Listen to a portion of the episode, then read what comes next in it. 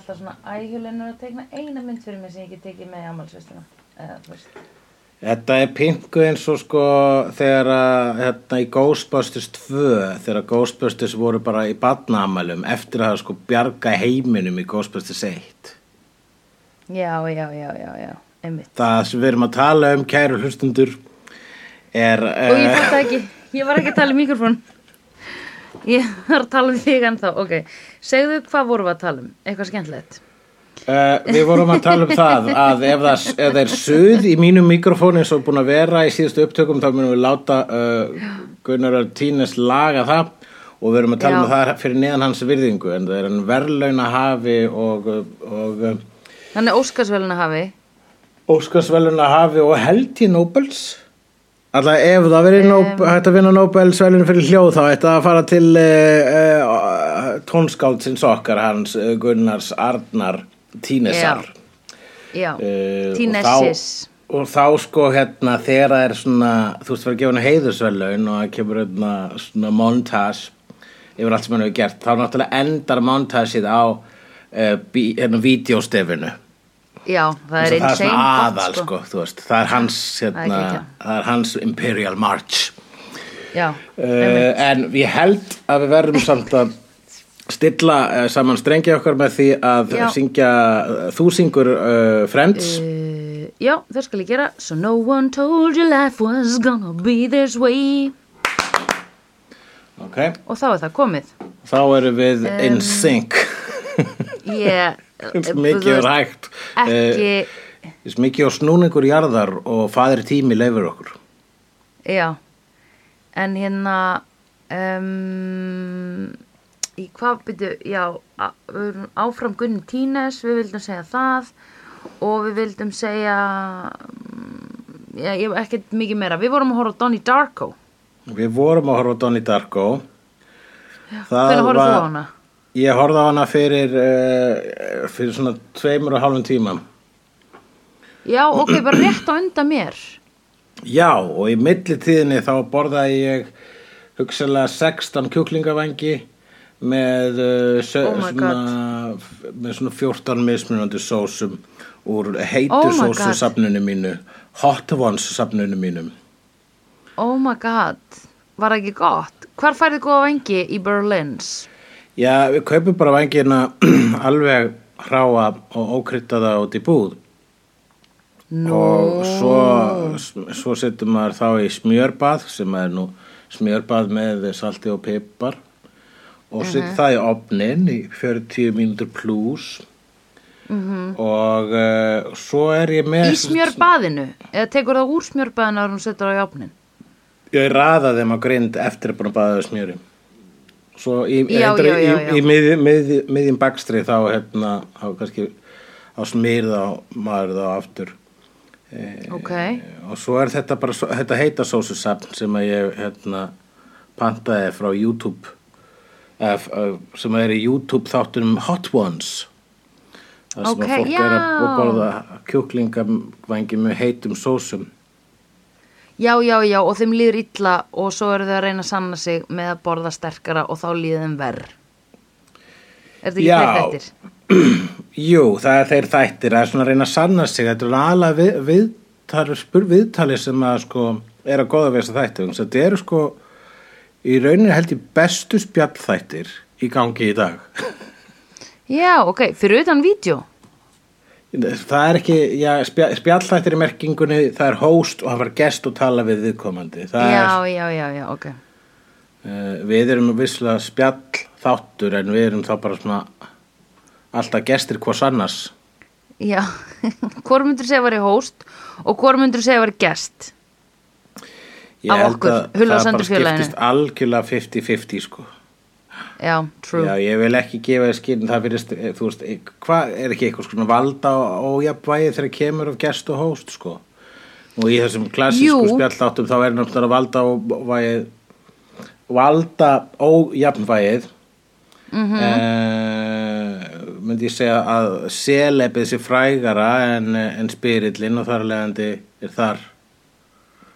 Þar er ákveði ójafnvægi en síðan er spyrillin hann er með spurningarnar og þar er hann ákveði vald.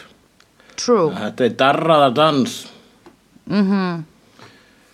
The chacho format Það kall- alltaf kallað darraða dans tungunar Já. Já, einmitt, það hef ég heyrti kalla það og það er nefnilega algjört réttnefni sem það er. Darraðadans tungunar Jæja, vertu velkomin í Darraðadans tungunar Ég er uh, hísill ykkar Sandra Barilli að þessu sinni gestur minn Hugleikur. Dagsson miklu frægar en ég.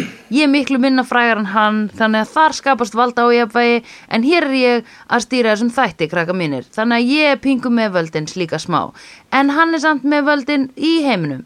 Já, ef að Alright. þú ert nú hísillin, kæri hísill, er ég þá ekki sníkudýr og þar að leiðandi með svona valda á þér Jú. og ég segjum svo svo að ég sé, sé ormurinn sem yfir tekur fálmara sníelsins og lætur hann Já. klifra upp í tréð þar sem að fugli nálgast hann Mhm. Klif, ekki klifra, það er nú ekki rétt, rétt orði yfir það sem sniglar gera þegar þeir fara upp tréð, þeir bara basically skrýða upp tréð, en það er nú auka tréð, það sem ég er að segja er þú ert, eh, ég hef búin að ná völdum á taugakerfi þínu í þeim eina tilgangi að eh, smitast yfir í fugl og síðan gera hann að hísli mínum. Og þannig vinna með Einmitt. ákveðin stega. Það má segja Já. að það sé rauninni hinn fullkomna myndlíking yfir frægð. Já, einmitt. Vinna upp stiga.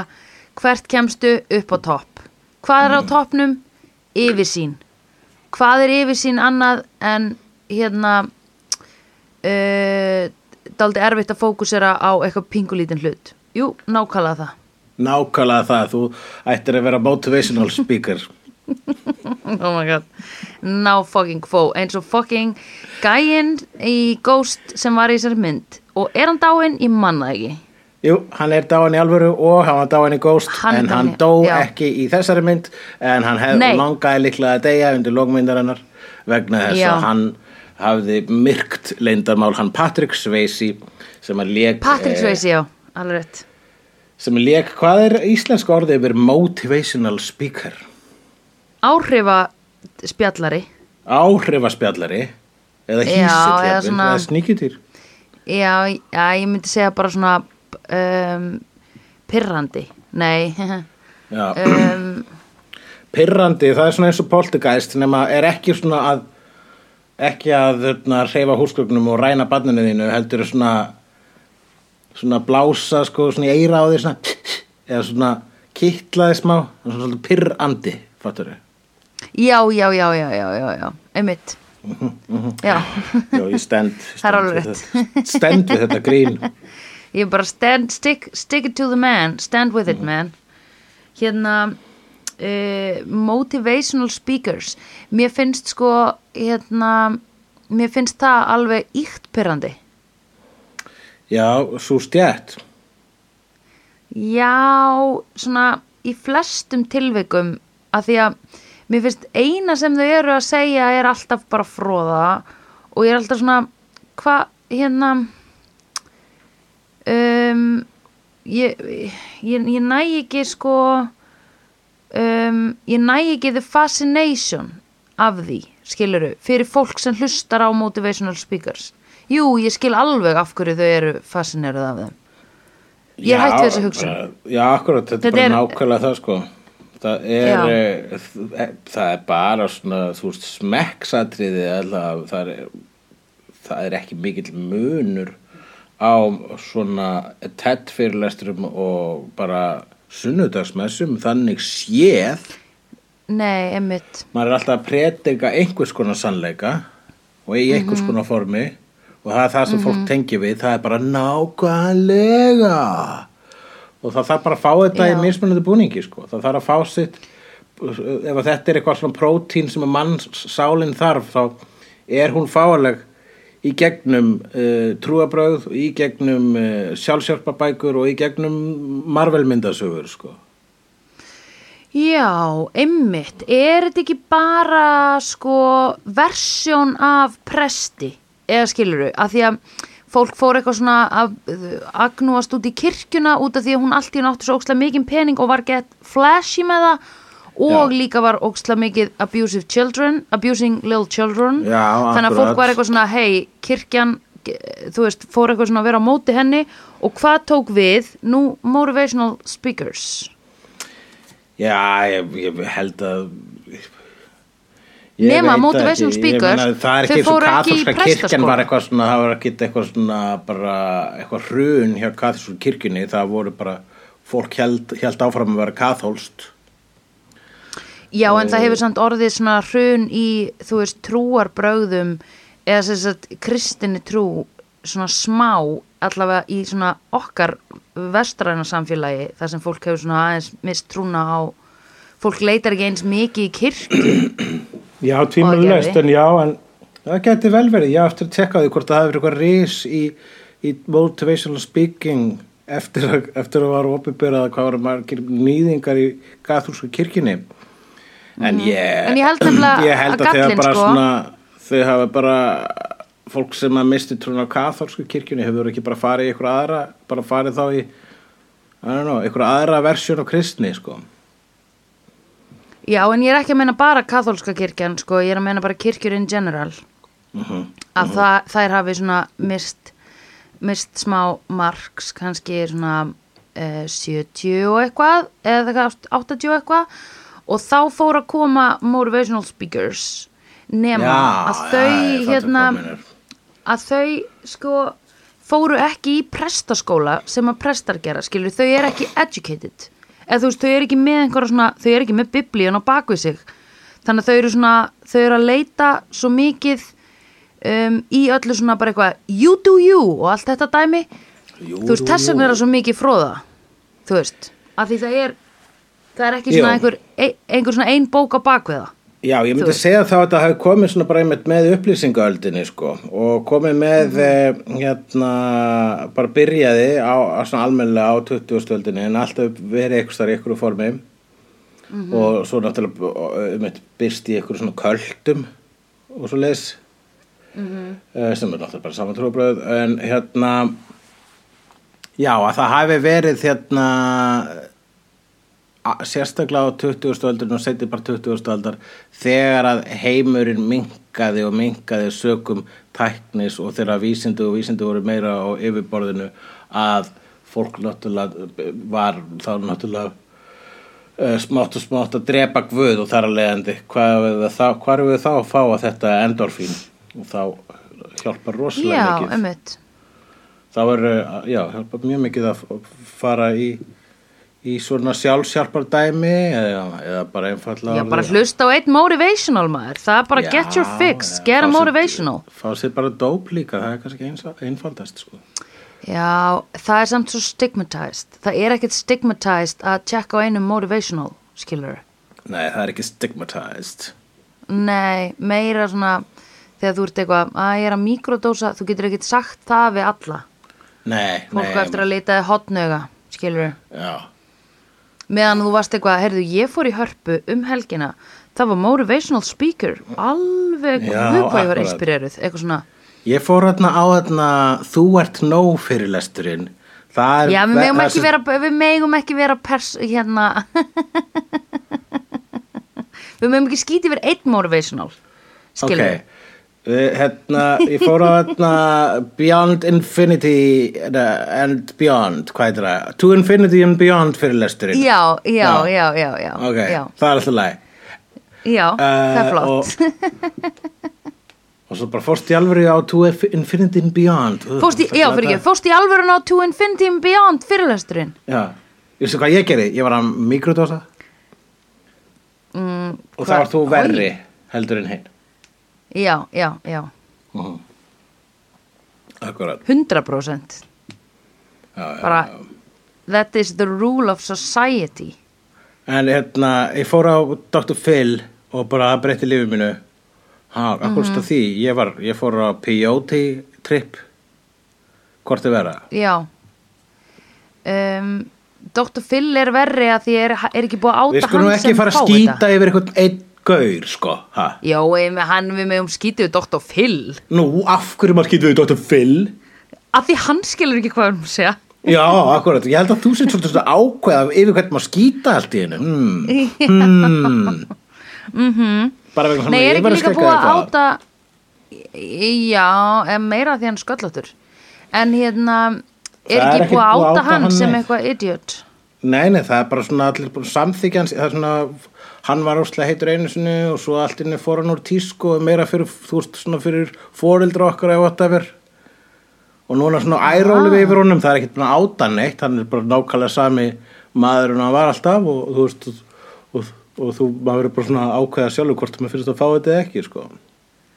Ó, mér finnst þess að ég hafi lesið eitthvað um Dr. Phil væri eitthvað, hefði gert eitthvað hæðilegt Verðum við ekki að googla það núna Kannski var það bara? ekki Is Jú, Dr. Phil cancelled?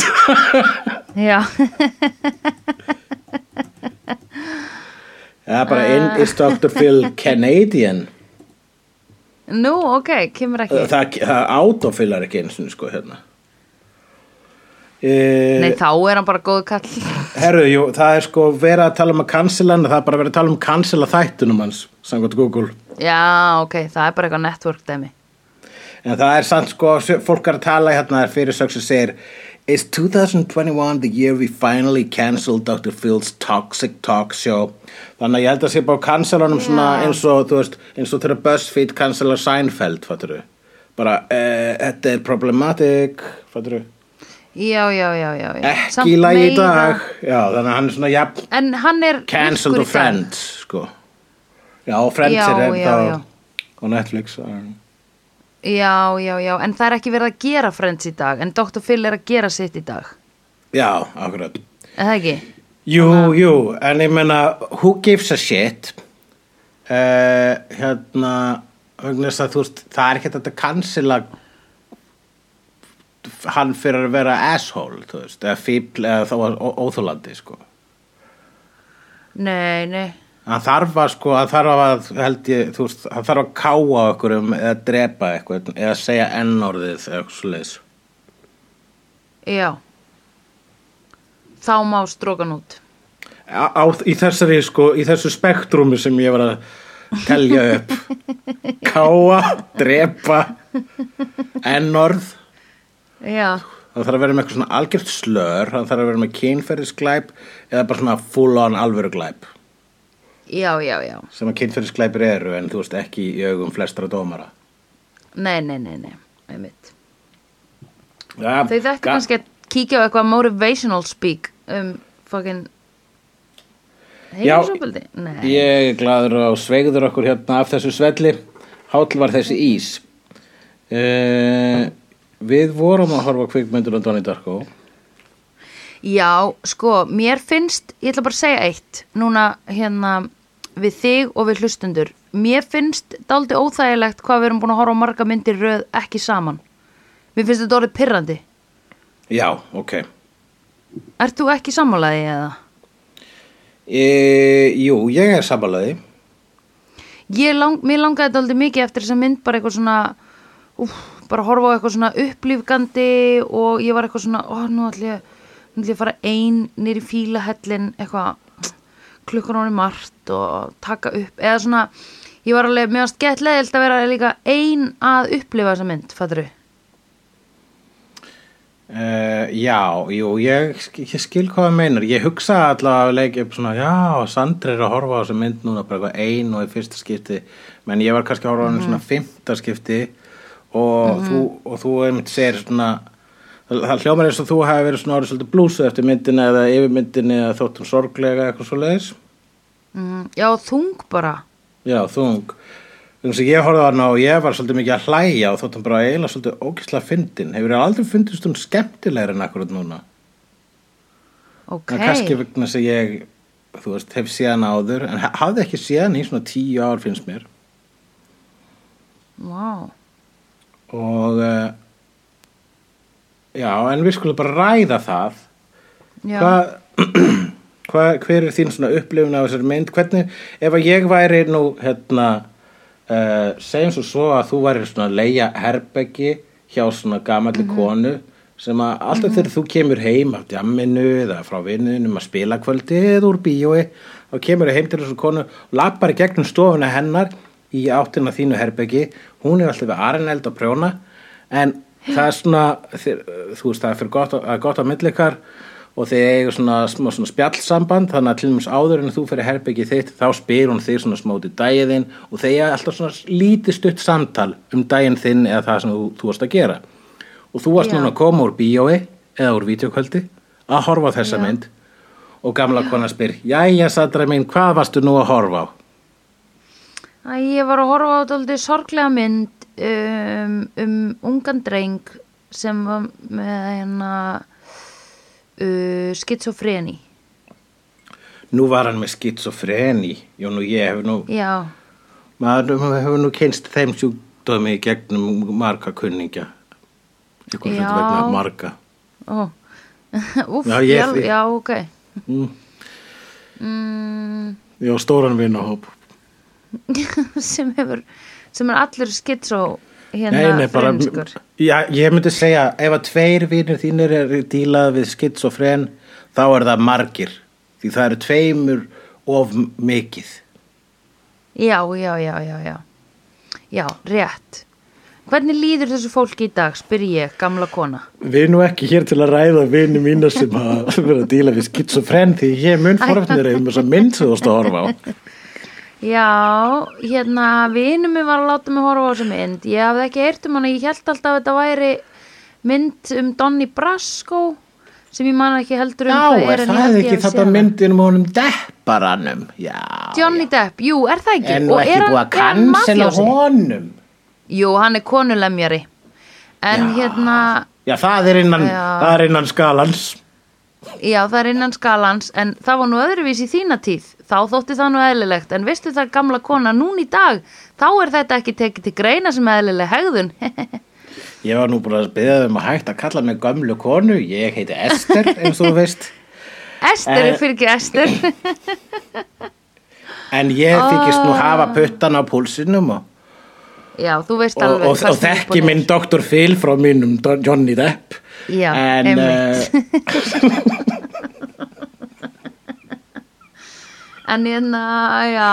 Segðu mér meira um strákin hvernig hvernig, byrt, hvernig byrtist þetta skitsofren í, í, í aðhlutverki myndarinnar sem er ekki um Brasko heldur Darko Já, hún er rosa dark og hérna uh, þetta er svona saga um ungan strák og uh, hvernig hann bjargast frá sko fáranlegu slisi í byrjun myndarinnar og svona för hans þá í gegnum næstu daga sem að snúa snúast uh, bara umhverfist það að heimurinn sé að enda sem að við sem áhórandur gerðum þá, eða ég sem áhórandi gerði þá ráð fyrir að hann væri að fara að deyja eða að eitthvað meira væri að fara að gerast og hann er svona Já. fykta við tímaferðalög eða svona talar um tímaferðalög og talar um hérna uh, sér svona æðri verur og, og um, og alls konar lendir í ímsu og við kynnumst þarna nokkur það þá hluti af hans skitsofren þessar, þessar tímaferðalagspælingar Já, já, ég held það. Hann er, hann svona virðist geta séð fyrir nánustu framtíð og, og er leittur áfram af einhverju afli í, í, í sumum gjörðum sínum. Það sem Já, hann hefur ekki, uh, hérna, það sem hann hefur ekki, eða hann er í svona outer body, hann er ekki meðvitaður um það sem hann er að gera, eða er að hlýða einhverju, hérna, hlýða einhverju, einhverju annari rödd sem segir, segir honum að, að haga sér og sem er röddin er smá einhver svona réttlætis um, svona snúa upp á samfélagið dæmi. Ekki snúa upp á það heldur svona make right svona dæmi. það hljómar Sandra mér að þetta hafi verið fyrir svona já, óljós og óvenjuleg mynd. Ég skil nú ekkit hvað er þetta að segja. Já, nei, hún var mjög óvenjuleg þessi mynd já, var mjög svona eins og við myndum kalla surrealísk kannastu við það orð, surreal. Ester jú, Já, ég þekki það. það. Ég var nú mikið að djamma með eh, dataistum og surrealistum oh my god, Eh, ég gleymi í að þú varst daga. gömul á þeim tíma í þú varst ung á þeim tíma já, við vorum stundum að oh Við stundum fyktum er þess að smá í, í eh, ske, eh, svona, svona skinvillu. Nei, ert að meina þetta? Ég hef nú lifað tíman að tvenna, Sandra mín. Já, ok. En hvað ert að prjóna hana? Ég er að prjóna, uh, ég er að prjóna Buffy tjald svo kallað. Ó, Wow. Þetta er það Buffy tjaldir þar sem ég kalla það svona, svona rauninu gardínu eða teppi sem þú leggur yfir gluggandinn á meðan þú ert Já. að horfa á Buffy vampæslegar á sumrin og þá skín sólin Já. ekki á skjáin. Ó, mikið er það sniðug uppfinning. Finnst þér ekki gaman að Buffy að vampæðislega restir? Já, ég hef nú alltaf sagt að Buffy vampæslegar er upphafið af gullöld sjóarpsins, ha? Já, einmitt það er rétt hér. Já, sumir vilja En meina hvað er að það- ránglega talið upp? að upphaf sumir vilja gullöldar? meina þessi Sopranos en ég sé Já. já, Nei, já, já Hlæjum að því. Sopranos var kannski eldurinn en, en Buffy var neistinn Já, akkurat. Buffy var í skátunum, Sopranos, uh, hérna, nei byrju, hvernig getum við, nei, virkar ekki. Þetta var flott bara hjá þér, Esther mín, neistinn og bálið, það er rétt. Já, já, Sandra mín, nú þarf ég nú þarf gömul kona að færa sófa Vona að þú Eh, fór ég ekki martröð af þessari mynd, þessari Ég skrýtnu var mynd að fara að segja við þig, ég var að fara að segja við þig, ég held mér muni ekki dreyma vel eftir þetta, sko. Já, þannig að þessi mynd gaf þér ónóta tilfinningu Já, hún gerði það. Já. Mér fannst þetta mikil ónóta mynd. Og hva, hvað er það sem var ónóta við hana? Sko, ónota fyrst var hérna eftir að slisi gerist þegar hreyfillin hreinurinn í húsið og hérna og þau eru öll eitthvað svona við erum bara að fara á hótel og ég var alveg how weird og hérna voru alltaf hlæjandi og svo var mamman alltaf svona lítið glottandi í öllu samhengi sem Já. einhvern veginn meikaði líka svona eða sko meikaði minna sens eftir að við komum staði að slísi hefði í alvörunni gerst sko, hann hefði dáið í alvörunni. Já, en að en ég menna hún lifði náttúrulega bara innan þeirra tímalínu þar sem að slísi gerist ekki og myndin gerist mest megnis innan tímalínunar tímans Já. sem átti ekki að vera. Já, einmitt. Þetta var svona já, þess vegna voru, voru þau öll svona skrítin. Nei, ég held að þau voru alls bara skrítin vegna þess að þau voru fólk. Uh, mér þótti þetta einmitt vera sko núna, að þú veist, það var mín upplifun núna að þessari mynd var mm. einmitt af fjölskyldunni, mér þótti þetta rosalega hlý og falleg fjölskylda. Það var mjög mikil hreinskilni innan fjölskyldurinnar og mamman sérstaklega fannst mér vera með, eitthvað- mér fannst hún vera svolítið hjartað þarna sko. Að það, já, ok. Já, hún bara hún var sko hún var alltaf, hún var alltaf að hugsa mm. og, og hún var hennar niðurstöður fannst mér alltaf að vera svolítið svona spot on veginn, það er þetta orða. Ég maður bara þeirra til mis það, að, hérna hún, hún var svolítið svona stóísk til dæmis þegar leiðilega kristnakerlingin þegar hún var svona utan í henni þá hjælt hún alltaf aftur, aftur að sér. Hún var alltaf í stöðu til að segja þeirri konu að fokka sér en hún gerði það ekki. Mm sama þótt að svo kona bara, bara óinu litla virðingu fyrir bara rosa litla virðingu fyrir sín hennar. Já. en hérna og þegar að emitt sonurinnar Donni segir óþólandi kristnukonunni að tróða eitthvað upp í raskati á sér það finnst pappanur rosalega fyndið mamman segir ekki neitt og svo er síðan sko svona 20 myndi síðar í myndinni þá eru mamman og pappin út að borða og þá segir mamman veistu það, mér finnst ekki að neitt strákur ætti að komast upp að segja neittni konu að tróða eitthvað upp í raskati á sér. Já, já, já, já, já Þannig að hún var bara svona, veist, hún var, all, hún var búin að melta þetta bara, já, já, þetta er sonur minn og þessi kona er ógíslega leðileg og ég skil alveg að sonur minn sagði henni að gera þetta. En nei, þetta er ekki, ég ætla ekki að ala sonur minn upp þannig að hann haldi að það sé í lægi engin maður á að segja Já. svona við konu saman þótt að konan sé algjör grippa.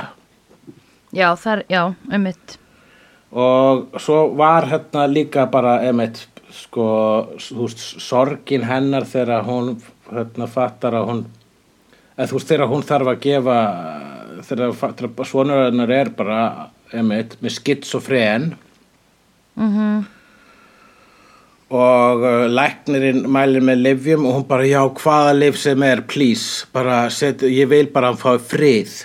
Og síðan einhvern tíman þegar svonur hennar spyr hana er fyrst þér ekki leiðilegt að eiga geðveikan eða brjálaðan svon nei, hún, hann, hann spyr hana hvernig er að eiga brjálaðan svon og hún segir við hann dásamlegt. Já, og svona elskar hann. Já, já, mér fannst það fallegt. Og Það var mjög hérna fallegt moment. Og já, það var náttúrulega mjög mikið svona hérna uh, nastiness í fjölskyldunum mér fannst það bara að vera á yfirborðinu. Mér fannst það að jafnvel vera vottur um hvað þetta var góð fjölskylda. Þau voru alltaf, sískinin alltaf segja okkur öðru að fokkar sér en það var ástæðna Já, ég meira að hugsa sko þegar ég veist að allir væri skrýtnir þá er ég ekki að meina bara fjölskyldan ég meina svona uh, ég er að meina bara allir karakterinir í myndinni. Já, þú veist, ég var alltaf já, svona vákvæði weird. Já, eins og Drew Barrymore hérna uh, það var allt svo eerie í öllum. Þú veist, hvernig hún var kennari bara eitthvað hmm, sestu hjá, þú veist. Ég var eitthvað, þetta er þetta er ekki að gerast, eða þú veist, já, það var oft sem ég hugsaði það, sko. Já, já, já.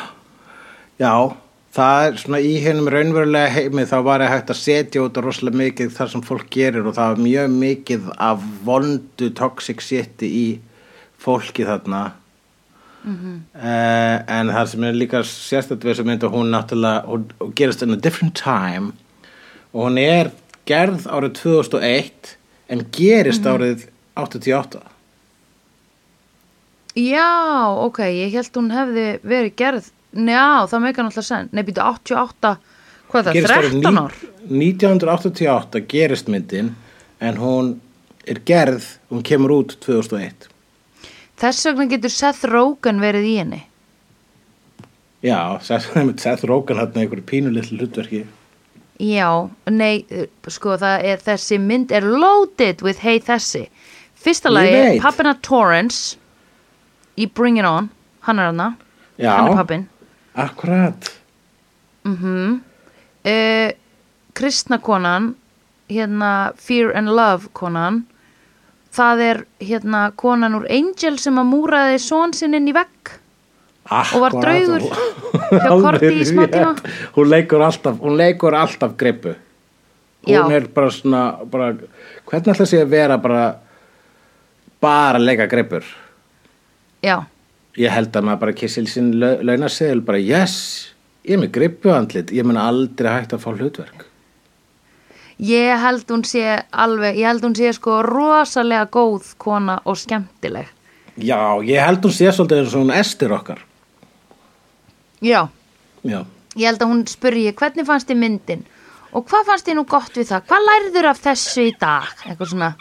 Ég held að held að Ester er eftir að koma oftar í vídeo. Já, svo gott að karakter en hvað myndir, hvernig myndir lýsa þessu mynd fyrir Ester okkar Já. Nú situr Ester og býður eftir þér. Hún er svo spennt að heyra hvernig er leið.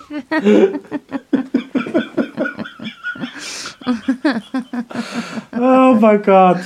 Ég vil einn daginn munu sofakólun gera svona fanart af Ester. Já, já, já, það kemur. Það er svo mikið dúla og já, já, Drew Barrymore uh, Dr. Carter úr ER hann var hérna já, læknirinn sem er ekki Patrick Swayze Jenna Já. Malone sem uh, var í Hu- Hunger Games til dæmis hver? uh, kærastarnas Donny Já, var hún merkileg? uh, hún hefur verið í mörgu hún var í Hunger Já, ok. Games hún var í uh, Neon Demon Ert þú búin að horfa á þetta Hunger Games? Ég hef séð held ég fyrstu þrjármyndunar, ég eftir að klára það. Ah, ok Er þetta, er þetta margar myndir, bíómyndir? Já, þetta er svona bókabálkur eins og, eins og þú veist, Lord of the Rings eins og, eins og Lordarinn og Harry Potterinn og þannig að þú veist dæmi. vinkona mm um, Ég skil. Og uh, Maggi Gyllen- Gyllenhaal, ég mani um að ég sá sem mynd, þá var hann Jake Gyllenhaal uh, bara glænýr og bara, maður lærði bara hvað hann hétt þarna í þessari mynd, ég man ekki hvort hann var, ég held hann uh, hvort að Bubble Boy hafi komið undan þessari, hann, ger, hann var svona Já. bara að, skrýða upp á stjórnu heim, heiminu þarna. Og þessi mynd átti stóran þátt, átti ég að skjóta honum þangað. Og Já. einmitt þá þegar ég horfa á þessu mynd þá og horfði síðan setna aukaefni þá bara, oh my god, þau eru sískinni í alvöru. Wow. Já, þau eru það í alvörunni. Þetta vissi ég. Maggie og Jake. Mm En var hún orðin fræg þarna eða? Nei, þau urðust að frægilega nánast samtímis sko. Já, ok. Ég skil um, Hérna En já, svo ég geti svona, þú veist, svo ég myndi reyna að koma einhvers konar uh, mynd á hver söguþráðurinn er allavega þessi sci-fi söguþráðurinn að myndarinnar, þá er það þannig að hann, uh, Donnie Darko, deyr ekki þegar flugvílarhreifill lendir í herbygginu hans vegna þess að hann er úti að svefn genglast uh, þá. Uh, þessi, þessi flugvélarhreifill hann á ekki heima í okkar tímalínu. Hann, hann, kom, uh, hann kom úr- ekki úr okkar tímalínu hann á bara ekki heima í þessum tíma. Hann á heima eitthvað stærri framtíðinni þannig að hann er aðskotar hlutur í tímanum og skapar þar að leiðandi þessa hliðstæðu veröld sem að myndin gerist í eftir að hreyfill lendir. Og hann þar sem að uh, hérna uh, og hann Jake Gyllenhaal verður fyrir valinu sem einhvers konar bjargvættur þess að hann þarf að leiðrétta þetta. Hann þarf raunin að stróka út þannan heim. Mm uh, Einmitt. og hans fattar það smátt og smátt. Já, Og- já, já, já, já og Já, þegar hann fattar það þá stýrir þá breytir hann fortíðinu og rauninu fórnar sér. Þannig skil ég það. Ég skil. Þá fer hann aftur í tíman og, og, og, hérna, og gengur og svefn genglast ekki verður svo þá fyrir hreyflinum og þar að leiðandi deyr og þess vegna Æ, veistu, nú hætti ég alltaf inn að fatta þetta ég er alltaf að reyna að skilja þessi mynd og það er náttúrulega þessi sko Býtu varðan fyrir mótsögn, aftur í sko. lokin Já, hann var fyrir hreyflunum í lokin, þess vegna dó hann allt í hennu.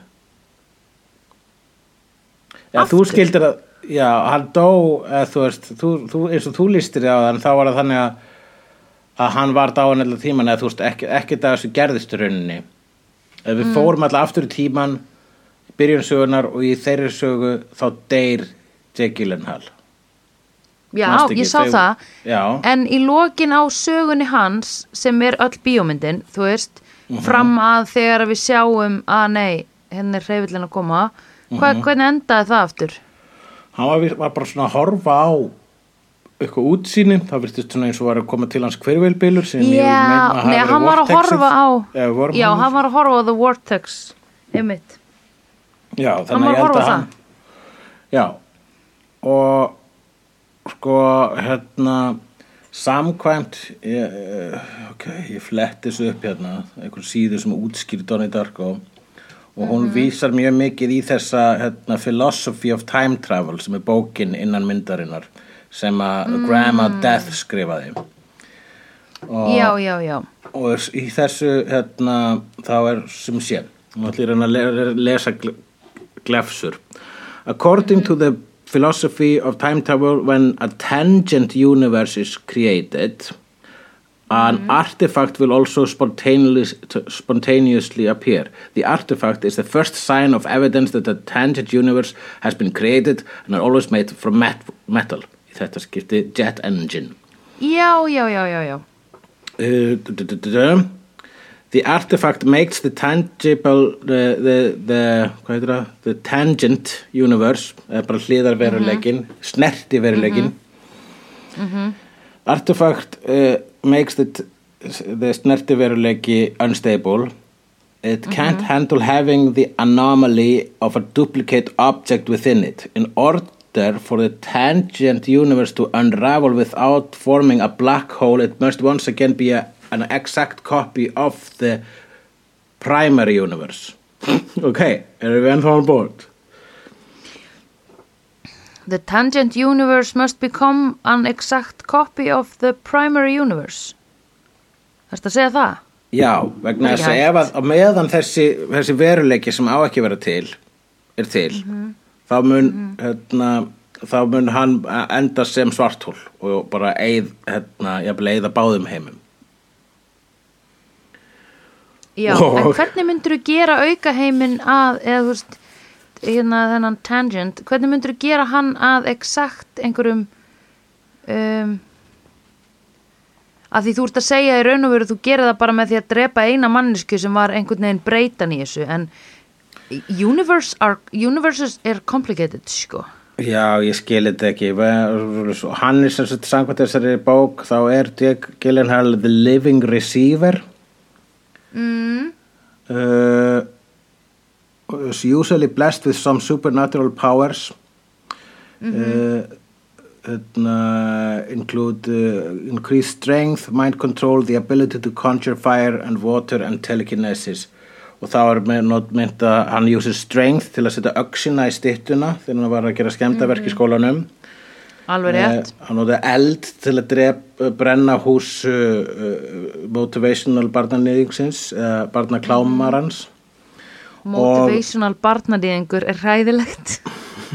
og svo hérna vatn til að flæða skólan og svo telekinesis to rip the jet engine off the plane and send it through the time portal Já, hann gerði það. já og kannski til að enda lúpuna þá þarf það. hann að verða fyrir hreflinum þess að ef hann kom ekki fyrir hreflinum bara- þá verður lúpan aftur til Já, en kom þá ekki bara lúpan að nóna bílinn þar sem hann satt? Nei, kom Nei, ekki hann- hreyfillin nóna bílinn? hreyfillin hreyfillin fór bara í hann setti, hann setti hreyfillin í portalið og leta Já. lenda sjálfur sér í fortíðinni og þegar það gerði svo strókaðist hans veruleiki út. Já, já, já, sniðut. akkurat. Það er alltaf hreinu og ég held að hlustundur getur verið alveg sammála um það. Allt sem við sögum með síðustu ég held þrjár til 30 mínúturnar. make a sense En þá skulum við tala um uh, hérna, fara á, á lettari nótur og það er svona orðaleikur hér þegar ég segir nótur en það hefur þessi mynd Já. einn af betri playlistum uh, mynda sem við höfum að horta á. Myndi ég persónulega segja. Já. Mm, það var Joy Division, það var hann Mad World, Já. það var hann In Excess og Tears for Fears og já, Tears for Fears. Echo and the Bunnyman Duran Duran á okkur tímabili. Það var eitthvað, það er eitthvað hérna, Ég, pappi minn, hann skuttlaði einhvern tímann Echo and the Bunnymen Ok, á bílnum sínum. ok. Ó, ég vona að ég sé að muna rétt band, en það var þegar þeir komu hérna til landsins og spiluðu og framan á plötunni svona ís eða svona klaki eða einhver stendur á klaka, getur þú passað það? Ég held að það sé Echo and the Bunnyman, já. Já, þá skuttlaði pabbi minn þeim á litlu, litla bílnum sínum sem var Fiat eða eitthvað. Talandi um Echo and the Bunnyman, það var nú Bunnyman í þessari mynd og Já, myndin fjallaði um Echo af okkar tímalínu. Echo and the Oh my Bunnyman. god. Oh my god. How fucking, oh my god, þetta er sick. Þetta er svo deep mynd, hún er deep as whale shit deep. and you know where that is? It's at the bottom of the ocean, that's how deep it It's is. This deep like the Marina fucking Trench. We're in a trench up in this biatch. Já, uh, það var líka eitthvað, þessi, hérna, hann, hann, uh, þessi kanina sem er svona íkonískasta persónamyndarinnar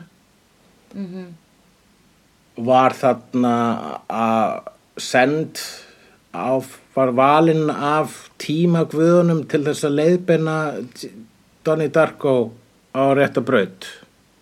Já. Er það ekki? Jú.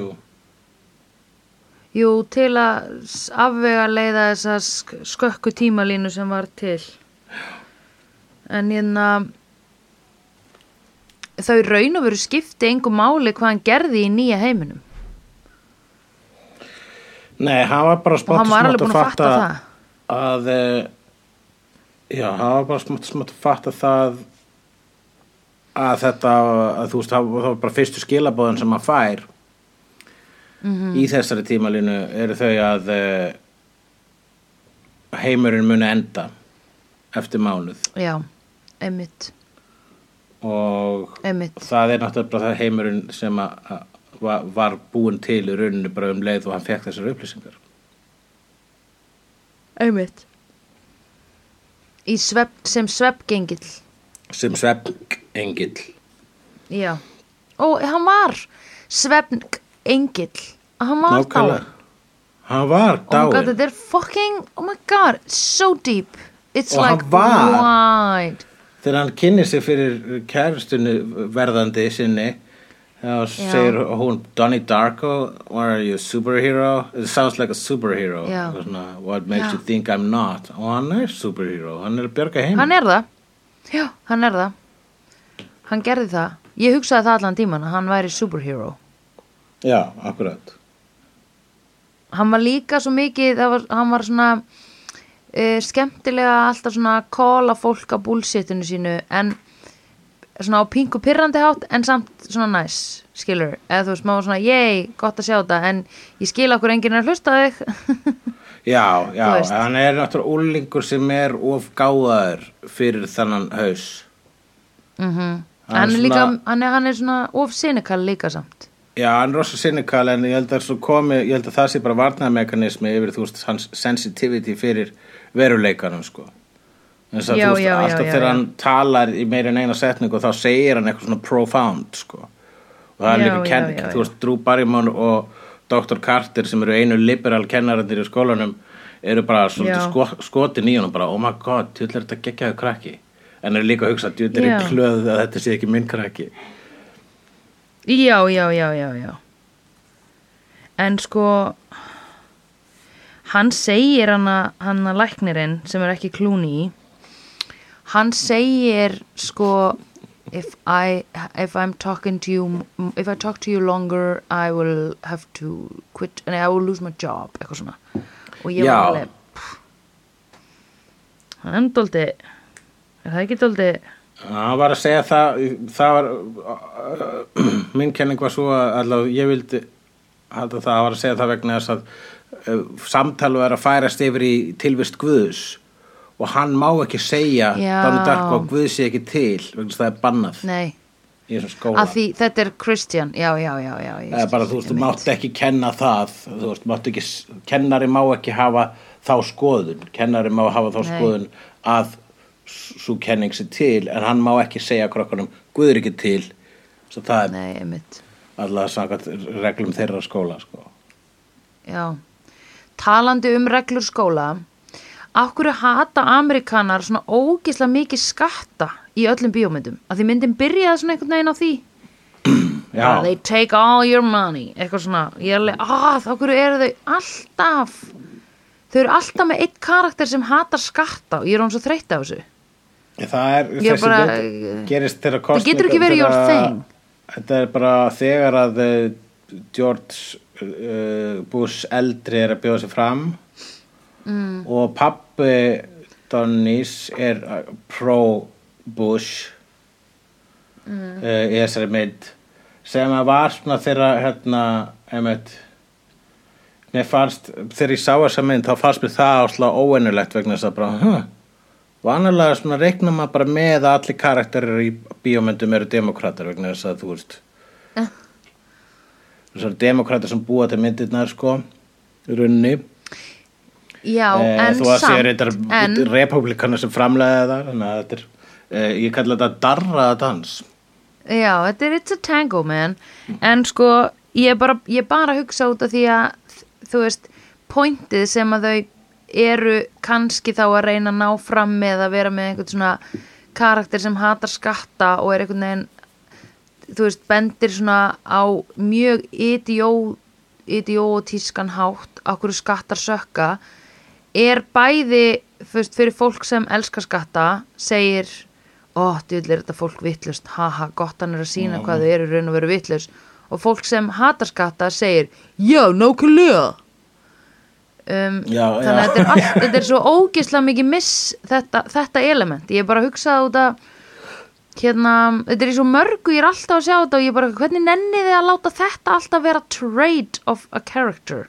Hvað skatta þetta var ekki stórt í þessari mynd. Nei, ég bara joggaði eftir því að því að þetta kom í byrjun og þá var ég svona aktíf að skrifa nótur. Já, ég er bara verið við hverju það, ég hef bara skatta? mjög lítið tekið eftir því að fólk sé að tala um skatta eða ekki í bíómyndinu vala vegna þess að ég bara um leið fólk byrja að tala um skatta þá svona, þá svona verði sóna ég út.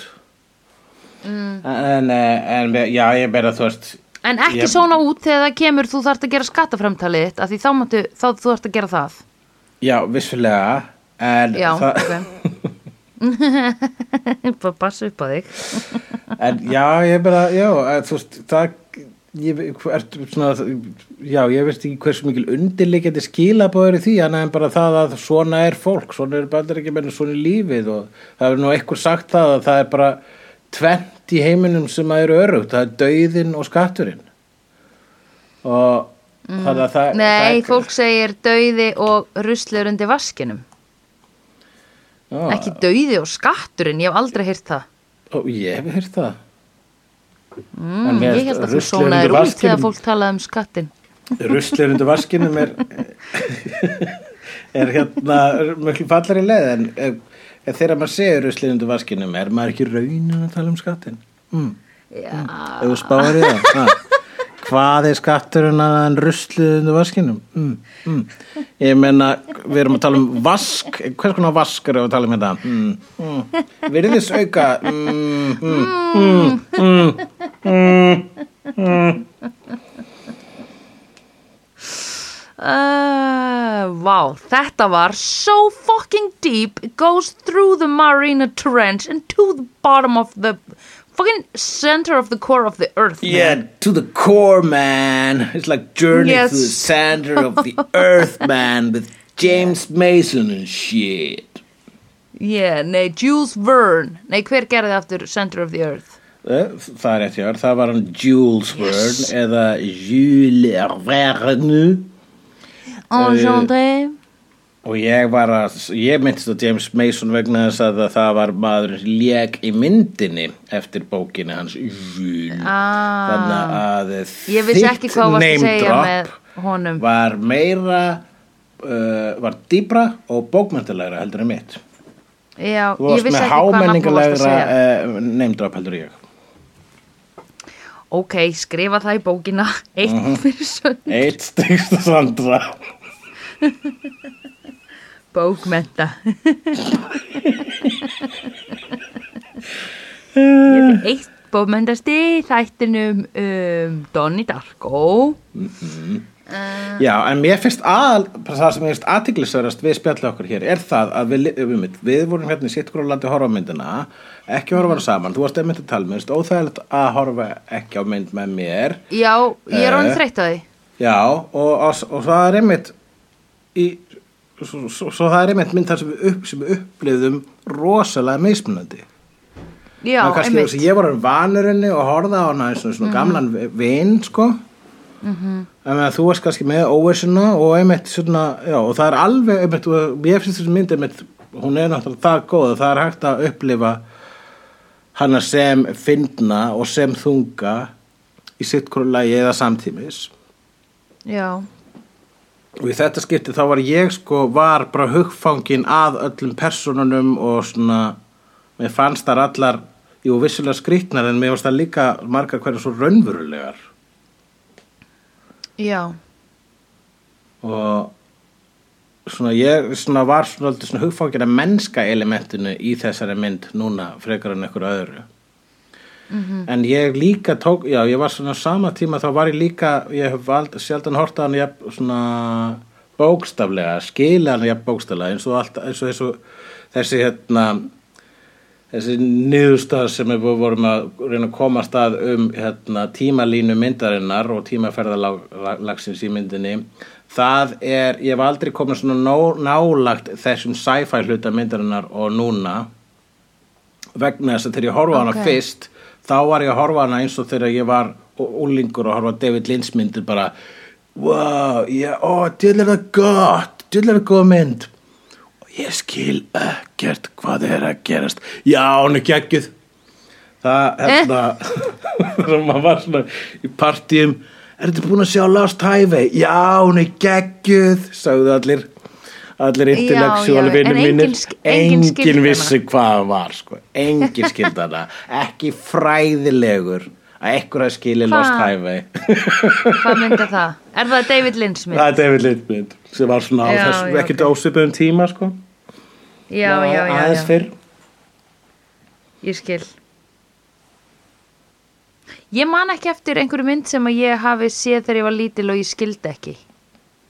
Eða þú veist, Nei. ég held ég hafi bara, það var hérna, en byrju, ég horfði náttúrulega ekki á þetta Lynch stótt og þegar að Mulholland Drive kom út og ég átti, jú, ég átti vins, eða, þú veist, eitthvað fólk í kringum mig sem ég man ekkit hvort, hvar það er í dag, þannig að kannski eru þau vinni minni en þá í dag kannski ef ég er ég hægt að tala við þau.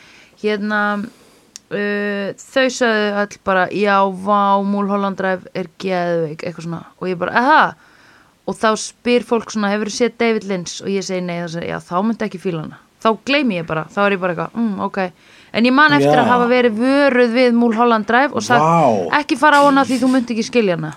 Ói, En ég, sagði, ég, hugsaði, nei, ég hugsaði bara thanks for saving me the buck. Ég ætla að fara aftur og bring it on.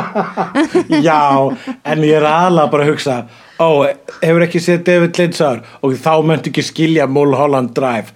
Það er þetta Nei. tilgerðarlegast að sé heyrt allavega eitt af því sko. vegna þess að, ó, vegna þess að þú ert búin að horfa á allir David Lynch mynduna undan Mulholland Drive og þess að skilur David Lynch frekar, nei. Það skilur hann enginn. Þú getur túlkað hann eins og vilt. Þetta er bara the súrasta of the súrt og það er pointið við já. Að þú átt ekki að skilja það. Og hann útskýr aldrei myndirna sínar. Þannig að ég held hann í rauninni skilur það ekki sjálfur. Hann ekki Nei, einstinni en hann gæti örglega ekki útskýr þar með tungumáli sem við skiljum. En kannski er hann ekki kannski bara að gera eitthvað sem hún finnst óslega flott.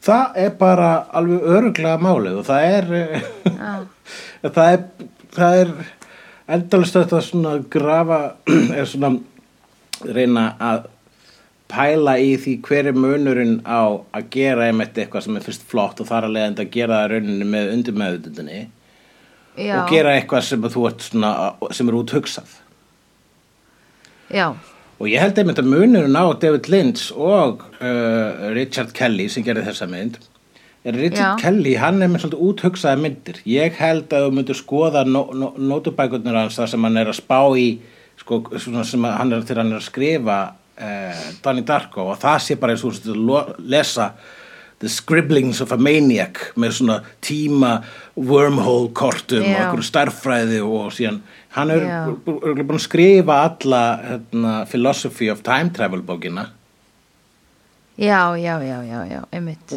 og við vorum að horfa á Directors Cutti sem var með miklu meira af því heldur en uh, Theatrical Cutti sko svo framleitin Já, hafa verið ok. bara ok, þú bara það getur maður aðeins minna crazy sko við Já, en eitt líka við svona þegar texti byrtist úr bók á skjá, mér fannst, mér fannst þau moment alveg svona geðveikt óþægileg að því ég byrjaði að lesa úrslega rætt til þess að ná því áður að myndi hverfa af skjánum Já, og svo er ég eitthvað svona, nei, býtu nei, svo er þetta ennþá skjánum og ég eitthvað, oh my god, ég las þetta úr hrætt en ég náði ekki hvað stóð og byrjaði aftur og þá hvarfa það og þetta er mitt.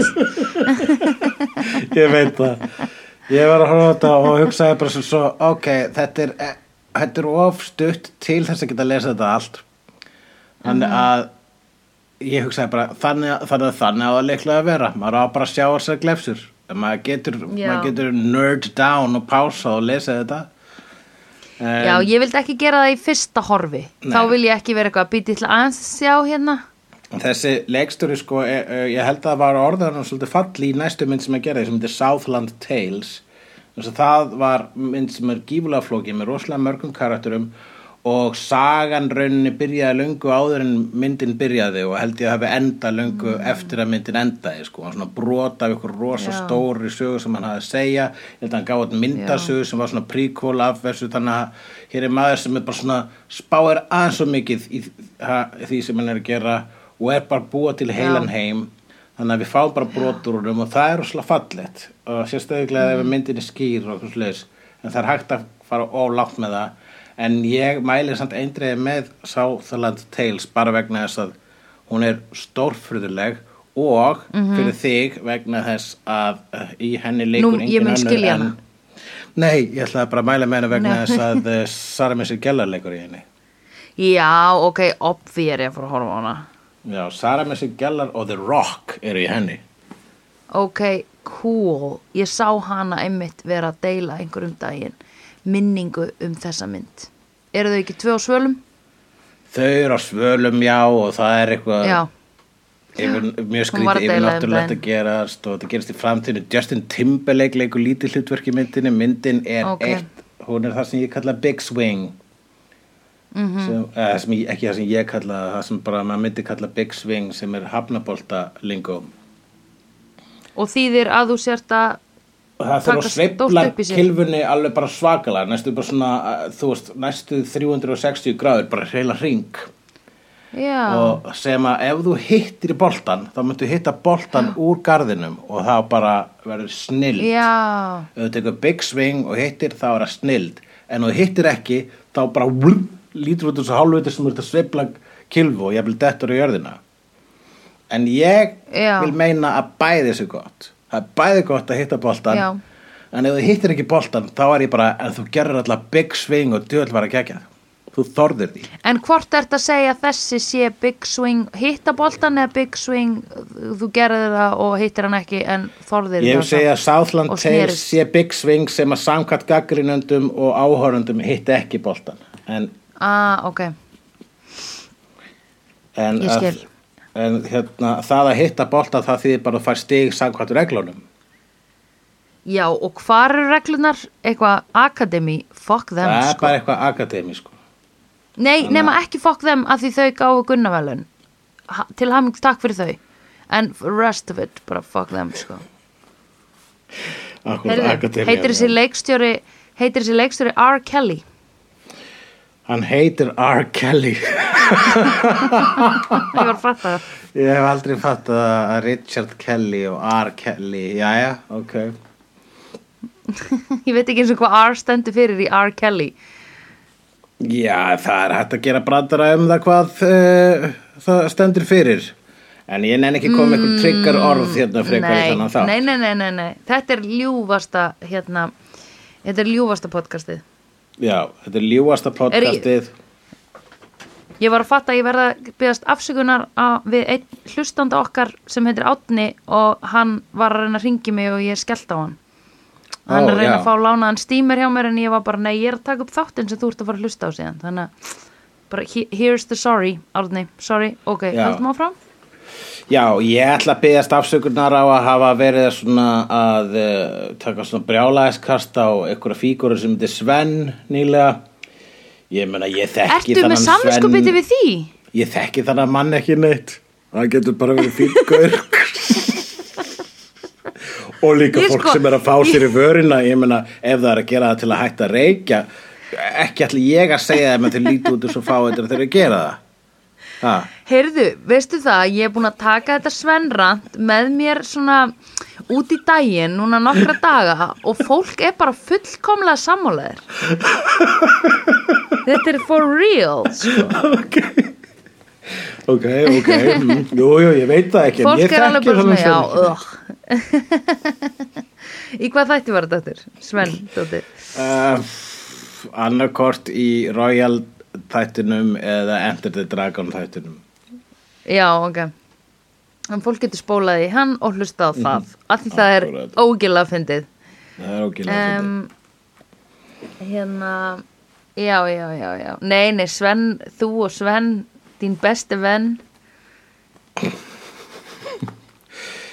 Já, hann er allavega Já, ég ætla bara ekki að mynda mér alltaf sterkar sko, ekki að, ég ætla ekki að eyða mikla orku í að hata. Sven. Nei, En kannski, sko. kannski eftir nokkra bjölla, hver veit? Hver veit að- þá- þá Það kannski væri hægt að byrja ég að skrúa upp í Sven hatrinu. Já, já. Einmitt En hérna, þá langar maður bara til að spyrja þau út í svona fagurfræðilega atriði í þessari mynd. Já, við erum búin að tala um tónlistina sem er þessi æðislega emo 80s tónlist. Ég held að emo hafi fæðst í 80s og hafi fæðst með tónlist eins og þessari. Endala, endala var líka í 80s, það var ákveðin svona heimsenda vá. Það voru stórveldis leiðtúar með, með puttana og tökkunum Já, og, og já, mjög mikið að bíómyndum voru um um það að uh, kjarnavopnin getu bara farið að stað hvena sem er. Og þar að leiðandi varð svona ákveðin svona eimd í listum og sérstaklega tónlist og það í Joy Division og Tears for Fears og svoleiðist þá voru allir bara að segja æ og ó. Og mér fannst það að vera svolítið svona hreinasta hreinasta ímóðu sem við höfum fengið. Svo var þetta svona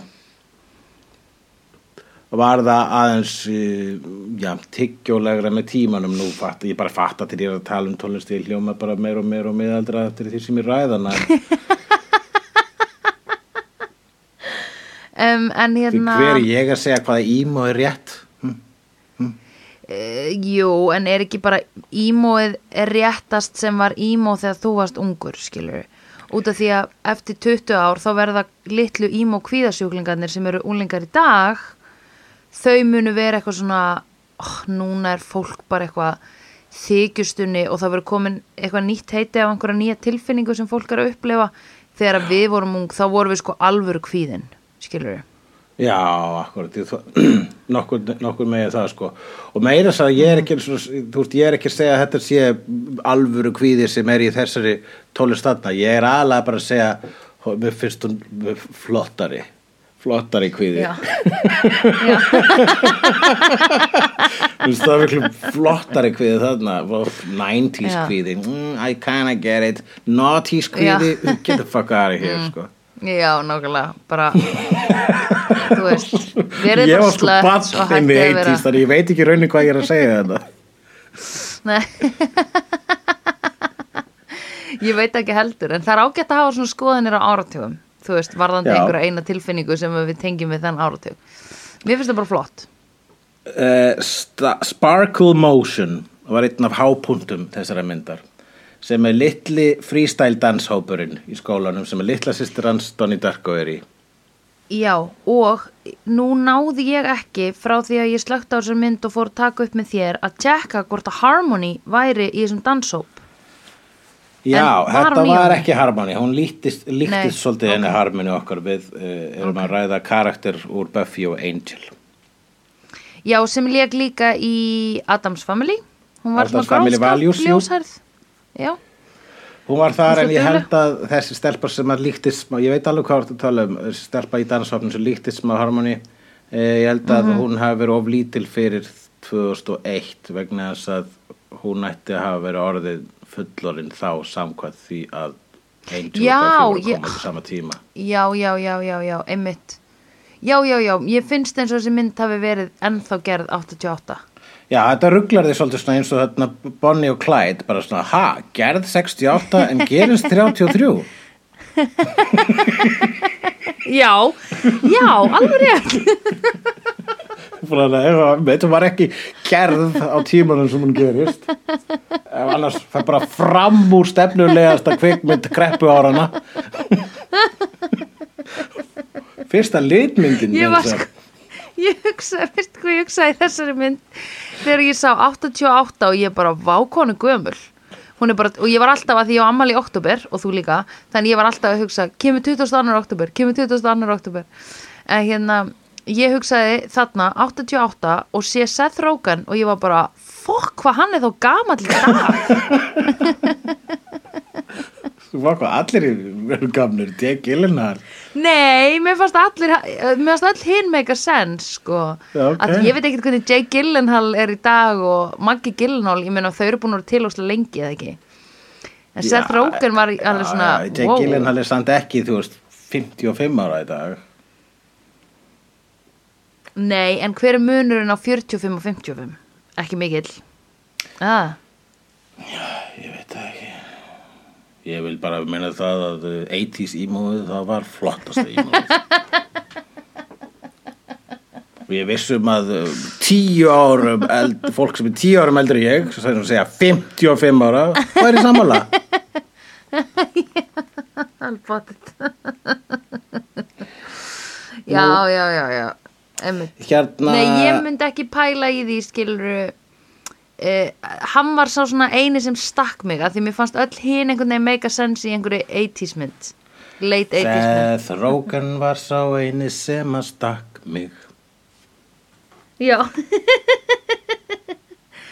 Eh, Einar sem að vafðist fyrir mér En Sparkle Motion var hérna, mér fannst það uh, svona freestyle danshópar, það var náttúrulega svona ták, hérna, tímanatákn, sko, og, Já.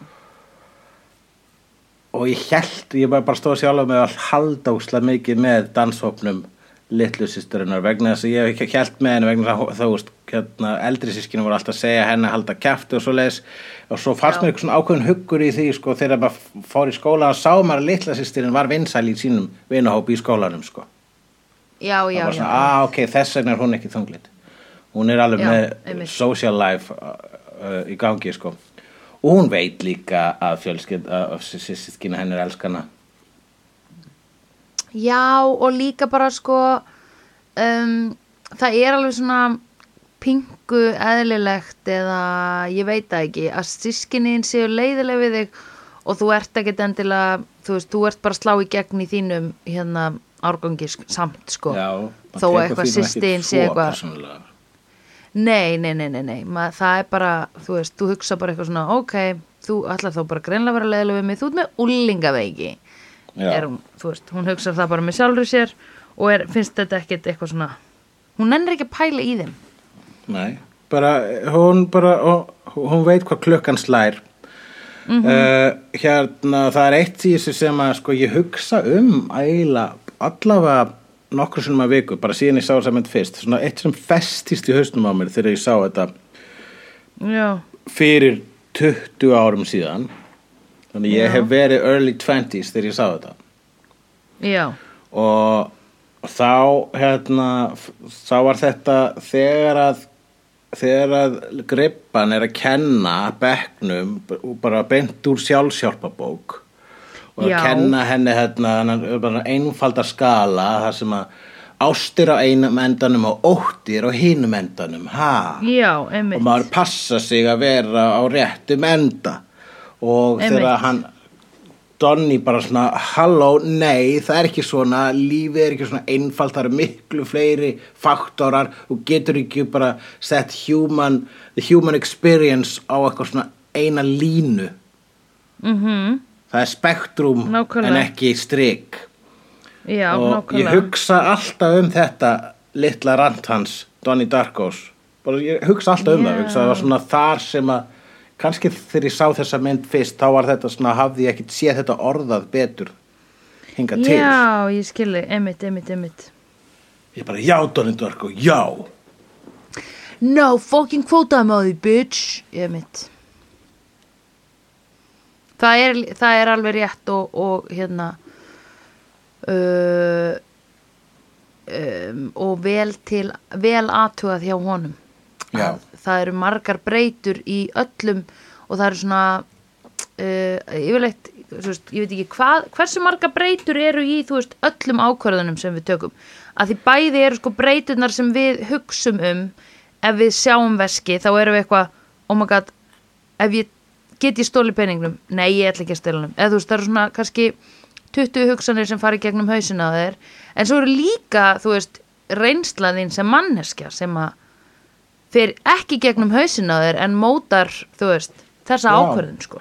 og hvar þú ert og hvenar þú ert.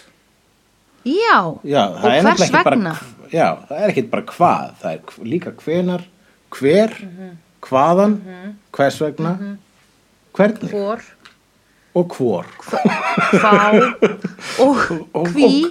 og, Já, hví og hví Og- og hvers vegna og kvappi, kvappi, kvó. Já og hvöt Já, hvöt og hvönn. Já, við erum nú komin í káin allt í einu sko Nei, hvönn er með HVN, og hvíði Já, já, þetta er Og- ekki fyndið hvítur.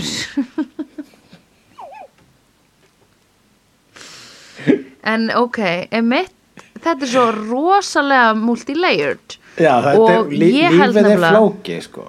Mm og mér finnst Og alltaf ég þegar held, Já, þú segðu, heldur. segðu, nei, seg þú, þú varst byrjar undan í tímalínunni minni. Já, ok. Uh, mér, það er það bara það sem að, það er það sem að þetta, þessar, hérna, það sem að fer í töðunar okkur við kannski svona sjálfsjálpa bækur eða svona, uh, einmitt, fyrirlestra sem summa upp -hmm. hvernig, summa upp hvernig þú ert að lifa lífinu til þess að þú lifi lífinu rétt í mm nokkrar efnisgreinar.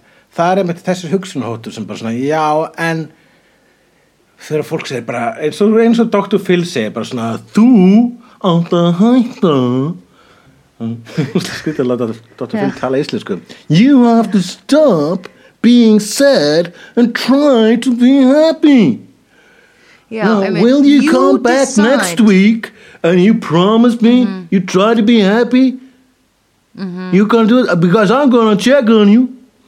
Þú veist og það, það er bara svona þetta er of einfalt vegna þess að þú veist, þú veist í þættinum hans uh, Dr. Phil og er bara já, já, nákvæmlega, nákvæmlega. Akkurat, svo kemur út úr stúdíunu og út í raunveruleikan og bara ah, já, alveg rétt, raunveruleikin lífið, Já, já, já, já, já, það, það, það var vandamálið. Dammit, akkurat Já. jú, ég, ég, ég glemdi því þegar ég var í stúdíónu sko.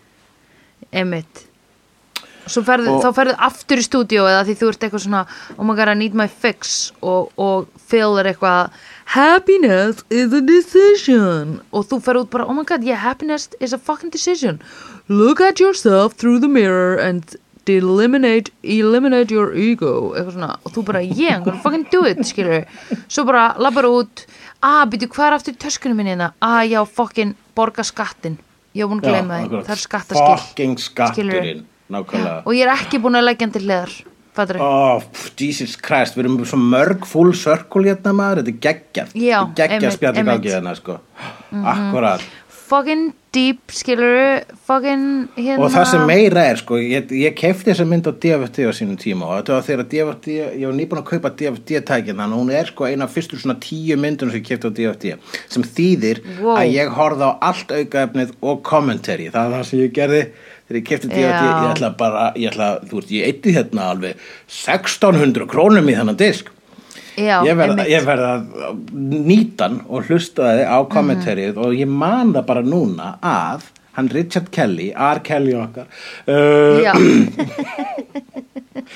Hvíti R. Kelly. kann voða illa við að kalla hann það hann Richard Kelly maðurinn með stóru sveiflutnar hann Mhm. byggði Patrick Swayze á Dr. Phil Uh, hann var alltaf svona hann var að ok. segja sko bara svona yes, uh, this guy uh, I wrote his kind of I wrote, hann sagði alltaf svona hugmyndafræðin hjá Patrick Swayze karakternum hann sagði, í kommentum svona uh, yeah, it was based on kind of this it, there's this TV psychiatrist called Dr. Bill or something yeah, Dr. Bill Já.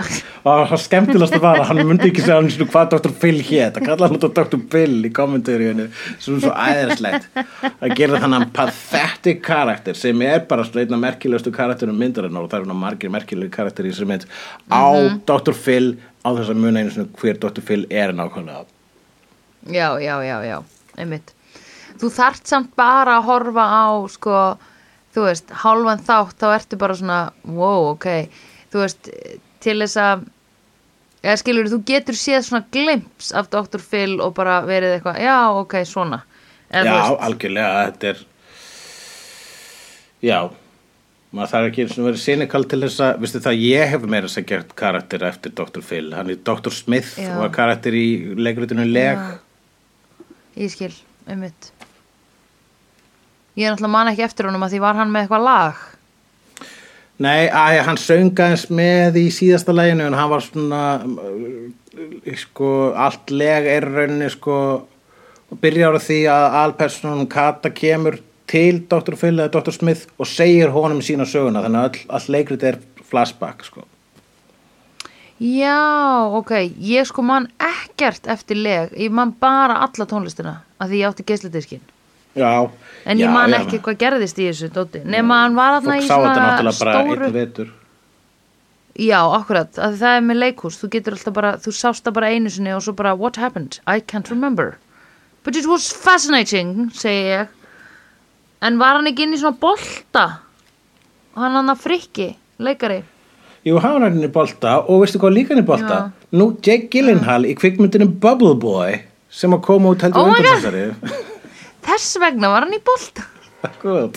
að hann var ekki Oh inn í bolta, God. hann var einu svona has, glæru hasmats úti, hann, hann fyrir ekki Alla, við erum ekki hér til Já, að já, ræða leg Nei, en heldur þú að Donnie Darko hafi mótað þig sem ungan dreng? Hvað varstu gamall úr sásta fyrst? Ég held alveg að hún, þetta ég hafi mótað mér svolítið, ég bara sko ég hef ekki hort á henni lengi kannski vegna að ég hugsaði að þetta var svona mín 20s mynd og hugsaði kannski, já, já, mér bara finnst þetta cool. En þegar ég horfði á hann núna þá fannst, þá líður mér eins og mér að finnst þetta betri en nokkur sinni fyrr.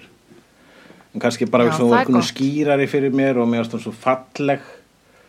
Og en mér Já. finnst þeim eitt rosalega aðteglisvert sko að þegar þú horfur á hana þá erum við svona drungi yfir henni og ég sé alveg hann drunga nema ég sé, Já, ég ekki, ég, mér finnst hann ekki drungalegu sko, Það svona, ég, kannski er það það er náttúrulega það sem að ímóar gera þeir náttúrulega svona embracea sig drunganum þau elska að vera í þessum drunga Já, drungi, það er líka svo fallegt orð, drungi. En er það jafn fallegt Já. orð og salador? Hvað er Salador? Salador. Manst ekki þegar Drú jú, var að tala um að Salador er fallegasta orðið Sa- í já. tungu. Salador, Salador Já, einmitt Hvað fannst mér flott þegar ég sá einhverja tengingu fyrst bara? Já, Uh, þegar þau fóru einum ekki. kjallarahurðina eitthvað svoleiðis. Nei, það var í lókmyndarinnar Það var eitthvað fyrst í byrjun það sem ég var eitthvað Já, það er þessi Já, ég man ekki alveg Strumparæðan. Nei, var fyrr Það var bara eitthvað svona merki sem ég var eitthvað Þetta er það eitthvað, hérna Æ, ég það ekki Það voru vísanir í aðra kvikmyndir hérna, mér fannst að vera mjög skýr vísun í Poltergeist einmitt í þessari mynd þegar það er hérna, white noise í sjóarpinu og við heyrum já. þjóðsöngin það ég finnst þess að geti ég bara verið bein vísun í Poltergeist Mhm. -hmm. Þau fara í bíó uh, kærustu parið á kvikmyndari Evil Dead sem er tímaralaust á listanum Já, Já. við erum ekki búin að horfa á hana. Við erum ekki búin að horfa á Evil Dead sko, ég er nefnilega á, reyna að fatta hvort að maður er að horfa á bara Evil Dead eða Evil Dead 2 sem er svona besta myndin í Evil Dead bálknum sko, og maður þarf þannig sé ekki við búin að sjá Evil Dead 1 á undan Evil Dead 2 en það er nú kannski samt ekki mín ákvörðun í hvað er að röð þú að ég sjá Evil Dead myndirinnar. Mér finnst því stundu að vera svolítið manipulativ hvað var þetta valmynd eh, og þess vegna er ég líka búin að nota sofakálinn til þess að velja síðustu myndir og þess vegna vil ég nú þakka nota tækifæri og þakka uh, honum Óskari Petri fyrir að stinga upp á Donnie Darko. Já, og Óskar er vinnur okkar. Gott val segi ég nú bara. Já, gott val, það var gott hjá honum að velja Já. þetta En sko, Já. þú ert samt hvort En akkur ertu eitthvað að reyna að vera ekki manipulatífur þegar þú ert það alltaf? Þegar við höfum verið með vídeokvöld heima hjá þér og þú ert eitthvað svona Hérna eru fimm myndir sem má velja úr og ég veit ekkert um neitt en ég spyr hvernig þessi? Og þá lýsir þú svona myndunum ok, manipulatífur er ekki það sem að ég er kannski ekki rétt orðið, það sem ég vil ekki vera er uh, að ofhugsa það. Já, það er allt annað. Já.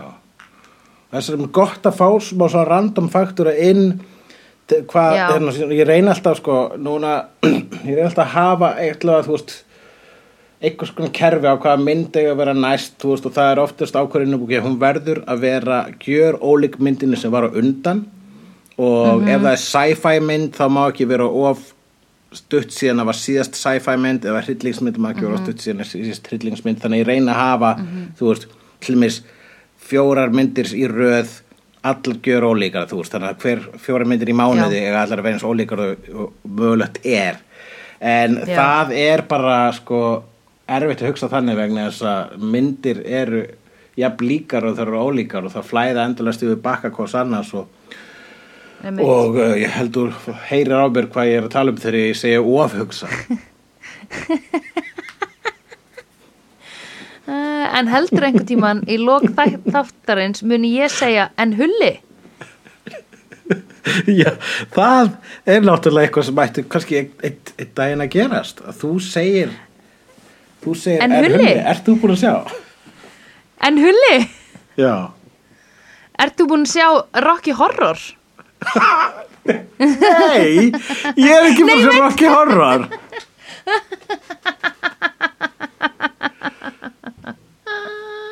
Þá áttu að segja að þú verður að horfa á Rocky Horror. Þú verður að sjá Rocky Horror. Ok Ég var að gleyma hvernig þetta Ég var að gleyma Ég held hún heitir Rocky Horror Picture Show. Já, Rocky Horror Picture Show, ég veit, já, það er myndin. Ah, Erum við að gera, nei, við erum ekki að gera það. Vorum við að Við leika verðum að gera, Vorum við verðum að gera það núna. Við verðum að gera það núna. Nú, ok, ok, Já. ertu til það, Þá ert þú að fara að missa hérna Rocky-dómin Já, Hæ? Er ég missa hvað, segirðu? Rocky-dómin, æ, ég skilur eins og það er eitthvað svona svona stór gríla sem er einhvern veginn búin að vofa yfir þér Já finnst þér það ekki? Já, nei, ég, ég elska að sjá myndir sem ég hef ekki séð Það er þetta Ok. besta sem ég geri Ok að horfa á Rocky Horror næst? Obvi fucking lega Oh my god, ok, gett Meatloaf Þetta er kaos sem ég vildi Núna hef ég enga stjórn Ó, það er svo góð tilfinning Er það? Er það ekki að missa tökin? Nei, nei, við býðum bara, við býðum bara með Stanley Kubrick þá getur setna eh,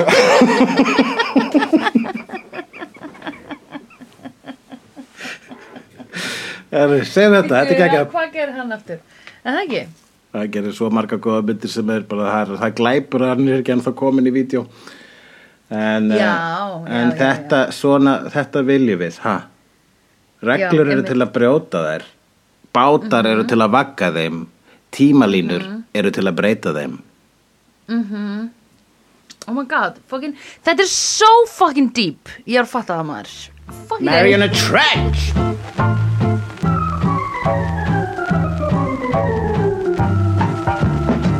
Vídeó er framleitt af Dagsum.is, Barilli Enterprises og Hulla og Söndrufjörlægin. Tónlistina samt í Gunnar Tínes. Ef því finnst vídeo geggjað, endilega láta okkur vita með stjörnigjöf og eftirlæti slaðvarpsveituninni. Því það eigur líkur að því að fleira fólk reykist frekar á vídeo og í allir algoritma drullinni. Næsari feitur sá sér slíkur. Dabbi dabbi dó, snabbi slal slól slell